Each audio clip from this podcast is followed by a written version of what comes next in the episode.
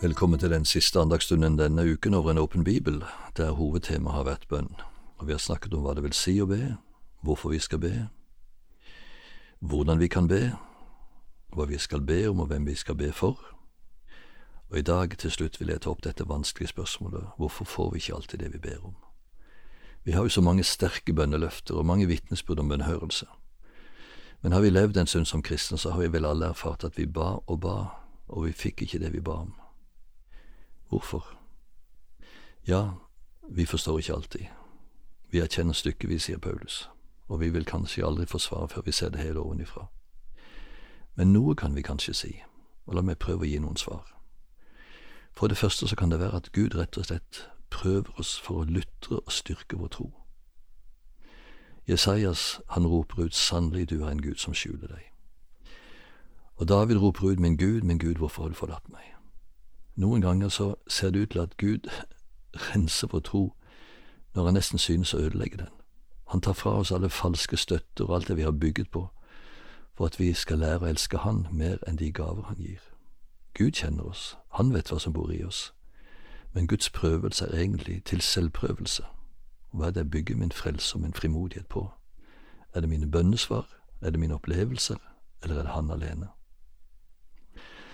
Så kan et annet svar være det at Gud rett og slett sier nei. Jeg snakket første dagen om at betingelse for bønnhørelse er at vi ber etter Guds vilje, og da hører Han oss. Ja, men står det ikke i Johannes 15,7 be om hva dere vil og dere skal få det? Jo, men vi må alltid lese et bibelord i sin sammenheng, og sammenhengen er følgende. Dersom dere blir i meg, og mine ord blir i dere, da be om hva dere vil, og dere skal få det. Når Jesu ord blir i oss, da vil vi mer og mer det som Jesus vil. Og dessuten så gir Gud oss bare gode gaver. Hvis vi ber om ting som på sikt ikke er godt for oss, så sier Gud nei. Paulus ba om å få slippe denne tårnen i legen som han slet med. Det synes jo å være en ganske god bønn for Paulus, men Gud så lenger. Han så at hvis Paulus skulle bli bevart i ydmykhet, så måtte han slite med denne tårnen, men han fikk beskjed, min nåde er nok for deg, min kraft fullendes midt i din svakhet. Luther sier et sted at vi ber ofte om sølv, men Gud ønsker i oss gull, og da må vi noen ganger vente. Og da er det tredje svaret, Gud svarer i sin time. Veldig ofte sier Gud vent. Vi er som utålmodige barn vi ønsker å få nå. Men Gud sier vent på Herren, vær frimodig og sterk, ja, vent på Herren.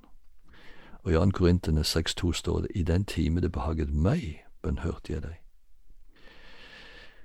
Da det unge brudeparet i Kana opplevde at vinen tok slutt, så var de jo kommet i en forferdelig pinlig situasjon.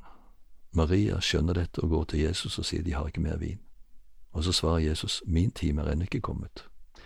Nå har nok det svaret en dypere bunn enn bare det å ikke svare der og da, men Jesus svarte i sin time, og ga langt mer enn de hadde forstått å be om. Og Gud, han kommer aldri for sent. Et fjerde svar på hvorfor vi ikke alltid får det vi ber om, er at vi må be i tro, for vantroen hindrer Guds verk. Jakob har et uh, veldig alvorlig ord i første kapittel vers 7, der han sier Den som ber, han må be med tro, for den som tviler, han ligner havbølgen som farer hit og dit. Ikke må et slikt menneske vente å få noe fra Herren. Men får vi ikke lov til å be med tvil? Jo, vi får komme til Jesus akkurat som vi er, med alt som ligger oss på hjertet. Men jeg tror det Jakob sikter til, det er denne holdning at du ber, men straks du har bedt, så går du og ordner opp selv. Da får du ikke noe fra Herren. Et annet ord som er veldig vanskelig, er dette som står i Markus 11, 22. Ha tro til Gud. Om noen sier til dette fjellet, løft deg opp og kast deg i havet, så skal det skje. Ja, det måtte jo vært veldig fint å ha en slik tro hvis man var ansatt i Statens vegvesen, eller mester, som det nå heter. Men jeg tror ikke Jesus tenker på at vi skal gå rundt og flytte fjell, bokstavelig talt. Men ingenting er for vanskelig hvis vi har Guds tro, for det er det det står på grunnteksten, har Guds tro. Og når vi kommer til en genitiv på gresk, så må vi alltid spørre er dette en objektsgenitiv, eller er det en subjektsgenitiv. Er det objektsgenitiv, da skal det oversettes som det nå står på norsk, ha tro til Gud. Gud er objektet vi skal tro på. Men er det subjektsgenitiv, så må vi oversette ha tro fra Gud. Og det tror jeg er en riktig oversettelse. Det er parallelt med uttrykket Guds rettferdighet. Luther trodde lenge at det var objektsgenitiv. en rettferdighet han skulle oppvise overfor Gud som objekt. Men så gjorde han jo sin store reformatoriske oppdagelse. Det er jo en rettferdighet fra Gud, som gis av nåde ufortjent, for Jesus skyld. Og når Gud gir tro, så kan troen være så liten som et sennepskorn, at likevel er det nok til å flytte fjell. De gamle skilte mellom en tagen tro og en given tro, og de sa den tagne tro har ingen løfter, den givne tro har alle Guds løfter. For det femte så kan bønnesvar hindres av uoppgjort synd. Synden setter skille mellom oss og Gud. I Isaias 59 vers 1 og 2 står det, Herrens arm er ikke så kort at han ikke kan hjelpe. Herrens øre er ikke så tungt at han ikke kan høre, men deres misgjerninger har satt skille mellom dere og deres Gud. Og en synd som kan hindre, det er å gå med bitterhet, uoppgjorthet i forhold til mennesker. Og Bibelen sier at vi alltid må tilgi. Jesus lærte oss å be, tilgi oss vår skyld slik vi også tilgir våre skyldnere. For tilgivelse har faktisk med vårt gudsforhold å gjøre. Hvis vi ikke vil tilgi, så lever vi i synd. Tilgivelse er ikke å bagatellisere eller bortforklare det som har skjedd. Tilgivelse er å frasi seg retten til å gjengjelde. Overlat hevnen til Herren, sier Paulus i Romene 12. Tilgivelse er ikke det samme som forsoning. Forsoning har med vårt forhold til andre mennesker å gjøre. Og målet må være også å forsones, så sant det er mulig. Og derfor sier Paulus, hold fred med alle så langt det står til dere. Men hvis den andre ikke vil forsones, ja, så kan vi ikke gjøre noen ting, men vi må være villige til å tilgi. Så ser vi fra det sjette at ulydighet hindrer Gud.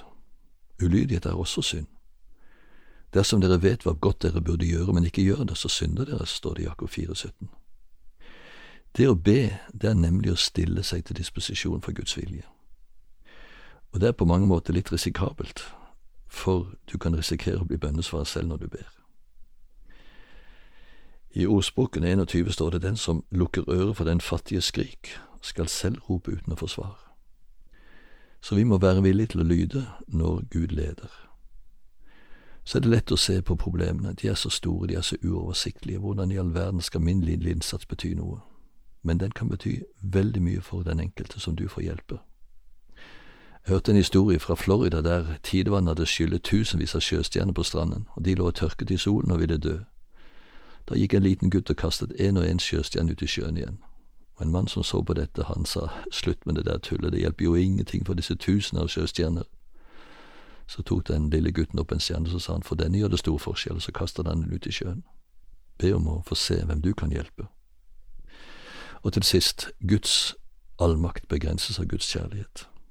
Et av de vanskelige spørsmålene er når vi ber for menneskets frelse og ikke ser noen resultater. Hva da? Er ikke dette en bønn etter Guds vilje? Jo, Gud vil at alle mennesker skal bli frelst og lære sannheten å kjenne. Men Gud kan ikke tvinge noen til å elske seg. Jeg tror ikke vi kommer lenger i det spørsmålet enn å si at et bønnebarn kan vanskelig gå fortapt. Det var jo det svaret Ambrosius Monica da hun kom og klaget sin nød over Augustin som levde et vilt liv. Men de fortsatte å be for Augustin, og en dag da Augustin satt ute i sin hage, så hørte han en stemme som sa tolle lege, tolle lege, ta og les, ta og les. Og han begynte å lese Bibelen og leste seg frelst, og ble en av de store kirkelederne i oldtiden. Så gi ikke opp. Bønn er som røkelse som stiger opp til Gud. Han samler bønnen i gullskåler på sitt alter, står det, og en dag tømmer han dem utover jorden. Det er svar underveis. Stol på det. Fortsett å be. Ja, takk, Herre Jesus, at du hører enhver bønn som blir bedt. Ingen bønner forsvinner ut i det tomme rom. Takk, du samler våre bønner opp, og en dag vil du utøse ditt svar over jorden. Vi ber, Herre, for våre nære og kjære. Vi ber for de som går borte fra deg, at du må kalle de inn i din nærhet, og gjøre oss villige, Herre, til å være dine vitner når du legger gjerninger ferdige. Amen. Du har lytta til en andakt i serien Over en åpen bibel, produsert av Norea Mediemisjon. Og andakten i dag var hentet fra vårt rikholdige arkiv, som du finner på norea.no. Nå i juli måned er det sommerferie for mange, og vår forbundstelefon den er stengt. Vi ønsker deg en flott sommer videre, og håper du tar kontakt igjen på vår forbundstelefon i begynnelsen av august. Gud velsigne deg.